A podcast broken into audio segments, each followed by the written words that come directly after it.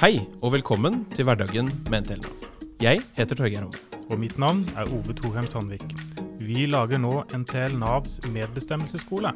For å gi deg en enkel innføring i det viktigste rundt medbestemmelse i Nav.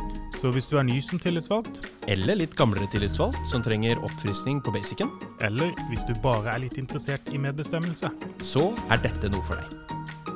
Hør her, hør her. Statsansatteloven paragraf 6 første ledd.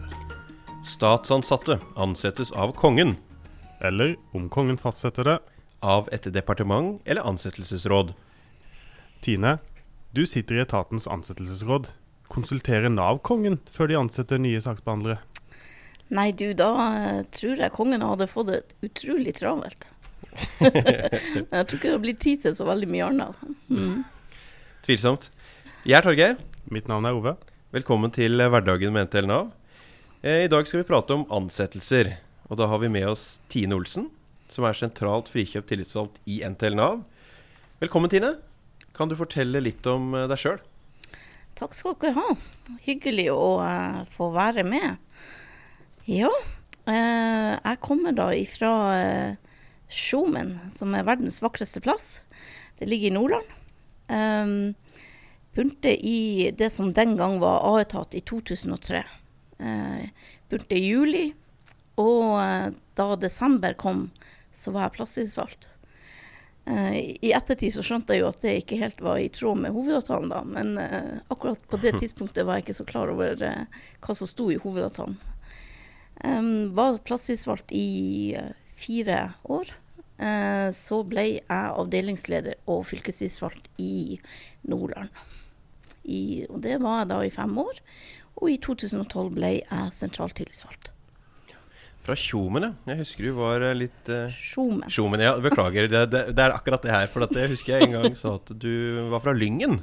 Nei, Men da ble du litt irritert. Du er stolt av Tjomen. selvsagt. Når man er fra verdens vakreste plass, eh, så må man jo være stolt. Og griseheldig. Ja, det er fint der, ja. Dette er uh, veldig kontrast for meg. altså Jeg kommer fra verdens navle, og det, jeg vet ikke helt om det er positivt eller negativt, men Arendal er jo så som så. Erndal, ja. Ja, nei, men uh, Du sa litt om eh, tillitsvalgtkarrieren din òg, men uh, sånn ellers, hva er det du liker å holde på med? Jeg vet jo at du er en ivrig bærplukker, blant annet, oppe i uh, Tjomen. Tjomen. En liten tålefeil. Fader. Her kommer Oslo-røkla, vet du. Ja, det er håpløse folk. Jeg liker å bruke naturen og er glad i å være i naturen. Men eh, jobben tar mye tid. Eh, Jeg har jo litt andre verv også i tillegg. Mm. Så, eh, men når jeg har fri, så er det mål nummer én. Ikke sant. Ja, men vi skal vel over på dagens tema. Ansettelser. Mhm. Eh, når det gjelder ansettelser, så er det litt viktig med litt eh, rolleavklaring sånn med en gang, syns vi. Eh, en ansettelsesprosess er omfattende. På vår side så har vi oppgave for plasstillitsvalgt, og oppgave for den som blir ansatt representant. Eh, og det er ikke, altså ikke helt det samme, men det skal vi komme litt tilbake til. Eh, men det er pl- plasstillitsvalgtrollen som vi kommer til å snakke mest om i dag. Så starter vi helt på starten, da. Når er det aktuelt å ansette ny medarbeider? Ja, det er jo når man har fått eh, midler til det, eller om en, eh, en medarbeider slutter ved enheten. Ja, så kan det jo også være noen ganger at, eh, at det er roller som er blitt bestemt fra sentralt hold på enkelte eh, prosjektperioder, eller eh, ja. I statsansatteloven, paragraf 9, så står det at statsansatte skal ansettes fast. Men det hender jo også at det er lov å ansette midlertidig. Eh, og når er det anledning for å gjøre det? Ja. Eh, det her er jo som sagt i statsansatteloven kapittel to. Vi har eh, fem forskjellige måter å, å ansette midlertidig på. Det er jo da eh, A, som er når arbeidet er av midlertidig karakter. Eh, neste er da eh, vikariat. Um, så har vi et par som vi ikke bruker så mye i Nav, da. Men E er for en periode på inntil seks måneder når det har oppstått et uh, uforutsett behov. Administrativ ansettelse? Eller- Ja, inntil seks måneder. Vi kaller det vel administrativ ansettelse, ja. ja. For nå ble jeg bare usikker på om det er en annen paragraf også. Som Du skal vel Det knytte det til en annen, har jeg lært. At du skal knytte administrativ ansettelse til et vikariat eller engasjement, siden det er uansett er midlertidig og det må begrunnes på, i, i en av de andre også. Ja, det administrative hadde vi jo i tjenestemannsloven. mm. Ja, men det har vi ikke en paragraf for i statsansatte, nei. Nei, det der er for en periode på inntil seks måneder når det har oppstått et uforutsett behov. Så vi kaller det administrativt, men det er ikke lenger det. Nei, ikke ifølge loven som sådan. Men dette med vikarer, eh, skal de alltid følge eh, en bestemt person? Altså hvis en bestemt person er ute i permisjon Nei, det behøver ikke å være på navn. Det behøver det ikke. Jeg tenker, jeg tenker i hvert fall at øh, plasstidsvakter bør ha et fokus på det å holde øye med, med alle midlertidige ansettelser. Og det er en liten kjepphest for meg at, at øh, de arbeidskontraktene så- og arbeidsavtalene som blir øh, inngått, at uh, man hjemler dem rett, altså etter rett bokstav på det her. Er det et vikariat, så skal det være etter B. Vi ser, uh, jeg jobber jo mye med personalsaker, og vi, ser, uh, vi får enkelte saker der, der arbeidsavtalen er hjemla feil. Mm.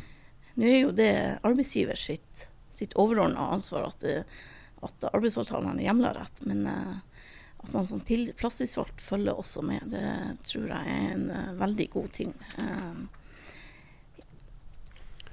Torgeir? Mhm. uh, I notatene ser jeg at vi har putta inn prim uh, som spørsmålstegn. Uh, hvordan fungerer prim inn i dette, dette med ansettelser?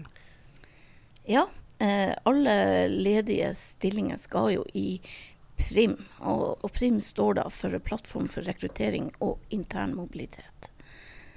Så det er vår interne rekrutteringsplattform. De ledige stillingene vi får, de skal først i PRIM, og der skal de ligge i 14 dager. Eh, og det er for at vi skal kunne koble ledige stillinger i etaten med folk som er overtallige i eh, etaten. Så alle stillinger må inn i prim først. For det er jo viktig da, at de ansatte som allerede har, er ansatt i Nav, eh, får muligheten til å fylle de stillingene framfor å bli oppsagt, før man går til en ordinær ansettelsesprosess. da. Absolutt. Da har man altså en grunn til å, å begynne en ansettelsesprosess, men uh, hvor går veien videre da? Ja, Hvor starter man? Ja, Nei, da tenker jeg jo eh, det første man eh, går i gang med, er å se hva er det vi trenger i enheten vår. Så da lager vi en eh, behovsvurdering. Hva er det vi har behov for hos oss? Hva er det slags kunnskap og kompetanse vi trenger? Så da må man lage den. Og hvis det er noen som har slutta, så er det ikke nødvendigvis sånn at den du skal inn, skal være, ha akkurat samme kompetanse. Det kan være noe helt nytt. Eh, Det kan være noe som eh, eh, nye tjenester som man skal ha, og, og man trenger en annen type kompetanse. Og den behovsvurderinga er veldig viktig å gjøre ordentlig. Mm. Ja, så da skal man ta og se hva slags kompetanse har du på kontoret. Må du egentlig se da. Kan man flytte rundt på folk? Er det noe helt annet enn det som gikk ut? Vi skal Mm. ansette. Det kan hende, ikke sant? Ja. Det holder ikke bare å se, ja, som du sier da, hva var det den personen hadde. Ja. Mm. Hvordan reflekterer behovsvurderingen utlysningstekst? Så da må jo ting inn i behovsvurderingen som senere skal speiles i utlysningsteksten. Ja. kan du si noe om den eh, koblingen? Det er jo veldig viktig at, eh, at utlysningsteksten eh, speiler den behovsvurderingen man har foretatt. Eh, At, at den er gjenkjennelig. At, at den kommer igjen der. Hva var det vi snakka om at vi trengte? At det går inn på både Altså hva er det vi, vi kandidaten må ha, og hva er det vi ønsker oss at de også kan ha i tillegg. Forstår jeg det riktig da, at man ikke skal gå, trenger å gå så mye i detaljene på eh, behovsvurderingen da, på samme måte, mens det skal Jo, jeg vil jo si at man trenger eh, en god beskrivelse av Altså, altså famler det jo litt i mørket hvis du ikke vet hva du skal eh, Hvis du ikke vet eh, hva slags eh, kompetanse og kunnskap den personen som skal inn, skal ha. Da blir det vanskelig. Eh, hva, hva er viktig å huske på når man i en behovsvurdering for en eh, saksbehandler? Har du noen tanker om det? Det spørs jo hva slags eh, område den saksbehandleren skal sitte på. Så det vil jo være ut ifra det.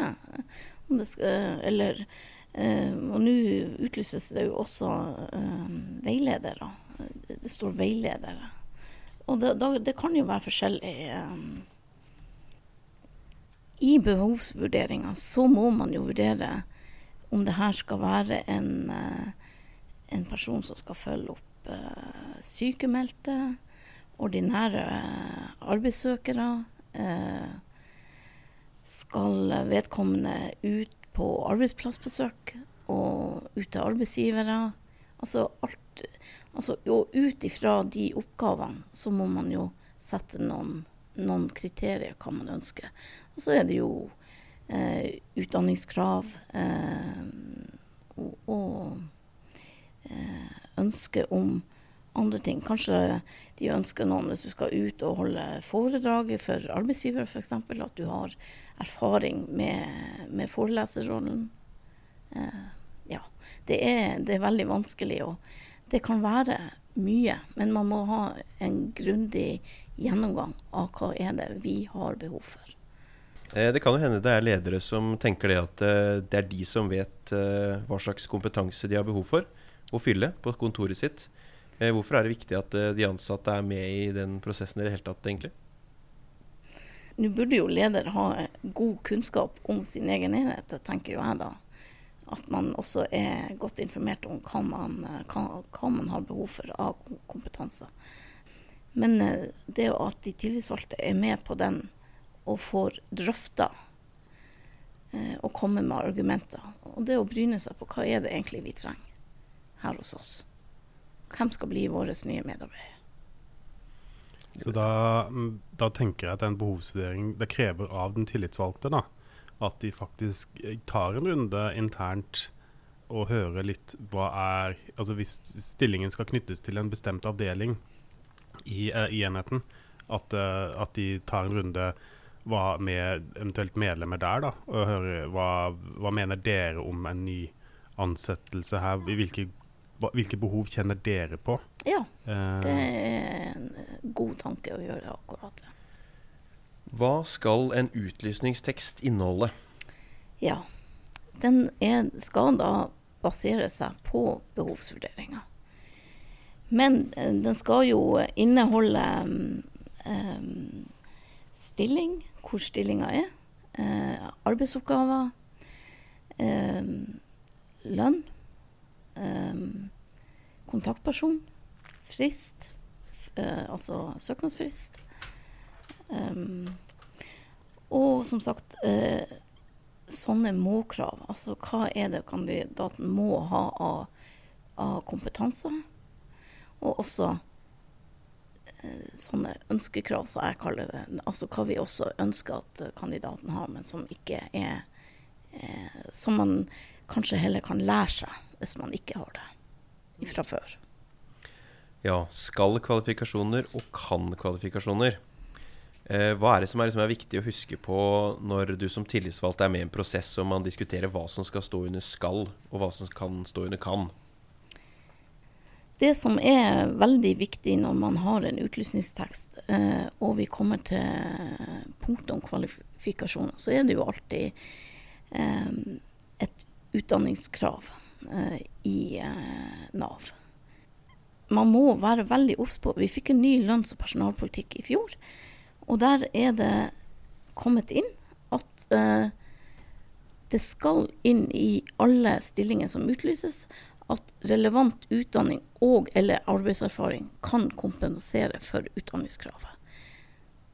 Og det skal inn i alle utlysningstekster. Ja. Det kan jo også nevnes i forlengelsen av det at vi har også en eh, paragraf i personalreglementet som sier det at formelt ekskluderende kvalifikasjonskrav, altså sånne skal-kvalifikasjoner som vi snakker om, bør ikke anvendes i større grad enn nødvendig. Så det tenker jeg at eh, hvis du f.eks. skal ansette en eh, rådgivende lege, så er det nødvendig å be om legeutdanning. Og det er greit. Ja, Ikke sant? Men i en del greit. andre tilfeller så er ikke en generell bachelor f.eks. noe som er nødvendig. Nei. Vi har utrolig mye flotte ansatte rundt i etaten som ikke har en høyere utdanning, og som har kjempegod kompetanse.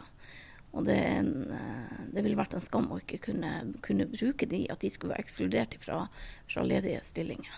Eh, vi skal følge lønns- og personalpolitikken. Altså, Den er der hele tida. Det er ikke sånn at vi kan velge om vi vil, vil følge den i dag, og en annen gang ikke for at det ikke passer. Den skal følges. Og jeg tenker som så at hvis eh, har vanskeligheter med å få gjennom det hos eh, arbeidsgiver, så må de være, være greie å eh, melde det opp til, til nivået over. Og så får de eh, ta saken. Det var klar beskjed til eh, alle tillitsvalgte som er involvert i ansettelsesprosesser, og jeg er helt enig i det du sier.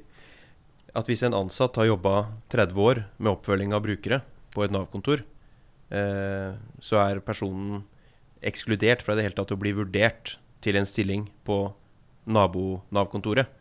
Eh, sånn kan vi ikke ha det. Det er jo fullstendig absurd. Ja. Altså, lang erfaring, det er et uttrykk for kompetanse. Sånn som utdanning også selvfølgelig er. Den beste kvalifiserte skal jo ansettes. Og det er ikke nødvendigvis den som har en høyere utdanning. Det kan godt være en med veldig lang erfaring. Um, vi har jo hørt at eh, noen ledere som skal ansette, sier det at eh, de må gjøre sånn. Rett og slett for det er så mange søknader til en stilling at de må liksom sortere vekk noen. Poenget der er vel at eh, det er feil måte å sortere på. Du kan hende at du sorterer vekk en rekke glimrende kandidater, og bare for at det da blir enklere, det holder ikke. Det holder absolutt ikke. Det finnes ofte en, en sånn tredje kategori eh, med kulepunkter på en utlysningstekst. Jeg tenker på personlig egnethet. Hvordan Ja. skal eh, man forholde seg til det? Nei, da må man jo bli enige om eh, hvilke kriterier. Det kan jo være f.eks. Eh, det eksempelet jeg hadde i sted. Eh, med om du er vant til å stå foran en forsamling, f.eks. At du er bekvem med det. At det kan være en, en, et kriterium eh, som er viktig for enheten. Nemlig at personlig egnethet det må spesifiseres hva det er for noe. Det må ikke bare sveve rundt der som noe udefinerbart. Men det er litt viktig. At ikke det bare blir sånn personlig egnethet, punktum, og så er det opp til leder eh, og på en måte sine magiske evner og vurdere hva det er. Det må spesifiseres. Ellers så blir det fort eh, tilfeldig, vilkårlig trynefaktor. Det krever da at det er eh, relevant for stillingen, da. Ja, det blir det. Og, og som regel så er det Det er jo endringsvillig. Altså endringsvillig, det må vi jo være. Vi er i, i staten. Og det er jo endring og omstilling hele tida, så det er, det er en fin egenskap å ha. Um, ja. Altså uh, Ellers så er det initiativrik og nyskapende, og alt det her. Altså um, Robust og fleksibel, er du det det? Hvor mye må man veie for å være robust? Jeg, jeg, føler meg innafor, i hvert fall. Tillitsvalgte skal forelegges innholdet i utlysningsteksten. Og man kan også helt spesifikt kreve å drøfte lønnsplasseringa i uh, utlysningsteksten. Ja, eh, det, og det er veldig viktig at de tillitsvalgte er på når de får utlysningsteksten. Eh, at det stemmer med det man har blitt enige om i behovsvurderinga. Em, jeg har hatt eh, en del plasstillitsvalgte som har eh, ringt når eh, utlysninga har kommet ut, og da er det for seint. De har vært misfornøyd med lønnen, lønnsnivået som var oppgitt, og de har vært eh, fornøy, misfornøyd med andre ting som har stått der. Så da, da er det for sent. Så man må være veldig nøye når man får den til vurdering, og påpeke det da, før den kommer. For da, Tine, sånn som vi forstår det, så er, er dette slutten på eh, den plasstillitsvalgtes oppgaver i en ansettelsesprosess. At det er litt som en ninja som kutter i prosessen, og etterpå det så blir man ansatt representant Uh, i, i den videre prosessen med intervjuer og, og innstilling Ja. og sånne ting. Uh, er det riktig? Ja, da begynner jo den prosessen, for da kommer jo søknadene inn. Hva er eh, ansattrepresentant da egentlig? Hva skal personen gjøre? Ja, skal jo være med og eh, vurdere søknadene. eh, og, og finne gode kandidater til intervjuet. Og delta i intervjurundene. Og til slutt også eh, delta i eh, innstillinga når man skal rangere kandidatene. Nei. Eh, så det kan jo selvfølgelig være sånn at den plasstillitsvalgte hos NTL Nav, det er også den som blir ansatt representant. Men hvordan er det egentlig ansatt representanten skal utpekes? Nei, den som skal være med, altså det, det er jo litt forskjellige ordninger der. Eh, noen enheter har det sånn at eh, det går på rundgang mellom de forskjellige organisasjonene. ikke sant? NTL hadde forrige gang, da er det en annen organisasjon neste gang. altså sånn. Eh, eh, andre plasser igjen så har de kanskje de to største organisasjonene som er med i intervjuene. Eh, så det er litt forskjellig det der. Eh, veldig viktig at man prater i lag som eh, de tillitsvalgte i de forskjellige organisasjonene om eh, hvordan man skal gjøre det. Og det at det er, gjøres på forskjellige måter, som du sier, Tine, det reflekterer vel litt det at dette ikke er så voldsomt eh, regulert. Eh, den ansatte representanten skal utpekes av de ansattes organisasjoner. Eh, og så må de rett og slett bli enige om hvem som skal møte. Eh, og på en måte sikre at man har såpass samarbeid mellom eh, de forskjellige eh, foreningene at ikke dette blir en sånn voldsomt stor konflikt. I personalreglementet så kan vi jo lese at minst én representant fra organisasjonene alltid skal delta eh, Ja. under intervjuet. Og det er kanskje hovedregelen nå, at det er én som er med. Eh, er det ganger hvor, vi, hvor det bør være flere ansattrepresentanter? Tja, det, det er jo noen ganger. Altså, jeg har jo opplevd som eh, plassutvalgt å ha med eh, Nå var jo jeg på et Nav-kontor og hadde med den kommunale eh, ansatte representanten. Det, det er jo en mulighet. Og som så, også sa at de to største organisasjonene kan være der. Mm. Det hender det skjer, og det står i personalreglementet også at hvis mer enn én skal delta, så bør det avklares under behovsanalysen. Eh, og det står det at eh, innstillende myndighet bør ikke begrense deltakelse til én hvis det fram anføres rasjonelle grunner for at det bør være flere enn én. Så da handler det vel om å argumentere for det Ja. i det enkelte tilfellet. Eh, og det står også at det, det, det særlig vil kunne forekomme ved stillinger med lederansvar eller av, med stillinger eh, av særlig betydning. For da har vi jo gjennomført eh, intervju, og, og ansettelsesrådet har gjort eh, har bekrefta innstillingen. Eh, eh, og da er det jo eh, punkt fra arbeidsmiljøloven som jeg liker å trekke fram. Og det er jo at den som får en skriftlig arbeidsavtale, skal la seg bistå av én tillitsvalgt eller en annen representant i utarbeidelse og endringer av arbeidsavtalen. Som egentlig eh, aldri får, hører at noen har noe særlig fokus på, men det er noe det er nå et poeng som jeg tenker at plasstillitsvalgte burde være litt obs på. At uh, vi kan vi, Man kan si før utlysningen da, at de minner eh, arbeidsgiver om at tillitsvalgte kan brukes uh, som en konsulent for den som skal ansettes, uh, hvis de har noen spørsmål om arbeidsavtalen de vil tilbudt. Ja, men det er, det er jo Jeg tror ikke det der skjer så ofte i Nav. Jeg husker det før jeg signerte, mellom ansettelse og jeg signerte, var ingen tillitsvalgte inne. Så Nei, Men det er jo fint det, hvis tillitsvalgte kommer på banen så tidlig. jeg tenker jo det. Og tilbake til det jeg sa tidligere også om de her midlertidige, der vi har oppdaga masse feil i, i hjemlinga på arbeidsavtaler. Så eh, lur idé, for å si det sånn. Ja. Mm. Og hvis NTL Navs eh, tillitsvalgte er ansatt representant og kan komme tidlig på banen og hjelpe et uh, potensielt medlem, så er vel det et sterkt uh, verveargument òg. Ja. Ja, for første dag på jobben så er det jo uh, enhver uh, tillitsvalgts plikt å si hei. Og kanskje vise hvor kaffeautomaten står, og være ekstremt hyggelig. Gi et godt førsteinntrykk. ja. Ja, altså Ansettelsesprosessen stopper jo ikke der. Det er jo innstilling og ansettelsesråd. Du sitter jo sjøl i ansettelsesråd. Det er mye som kan bli sagt om det. Eh, Det ligger ikke i plasstillitsvalgtrollen, så vi går ikke i dybden, men eh, vi har egne kurs for det. Er det noe vi har glemt på når det gjelder ansettelser som det er viktig at plasstillitsvalgte vet, eller at hvis man blir ansatt representant, da, at man husker på? Så du skal jo være der og følge med, og du skal jo være Og se at det blir spurt om de rette tingene. Altså, det er jo mm, Ja, ja. Det har vært veldig interessant uh, å, å snakke med deg, Tine. Uh, men vi bruker å avslutte med et siste spørsmål. Ja, vi prøver å ha en god historie til slutt. Uh, hva som er vit vitsen med å være organisert. Funker det å være tillitsvalgt, eller at det er interessant å være tillitsvalgt? eller noe sånt. Har du noe sånt noe på lager? Det fins jo ikke noe bedre enn å være tillitsvalgt. Vel, eh, for de som kjenner meg, så vet de jo at jeg liker å vinne. Så, så jeg er veldig dårlig på å tape saker. Eh, Vi prøvde oss på quiz, og det var risikosport når Tine er med. ja, altså, jeg, jeg står over quizene hvis jeg ikke vinner, så, så det er ikke vits. Nei, men, eh, men du kan gjøre en stor forskjell som tillitsvalgt, uh, og få gjennom saker som betyr eh, enkelte ganger mye for én person, andre ganger for mange.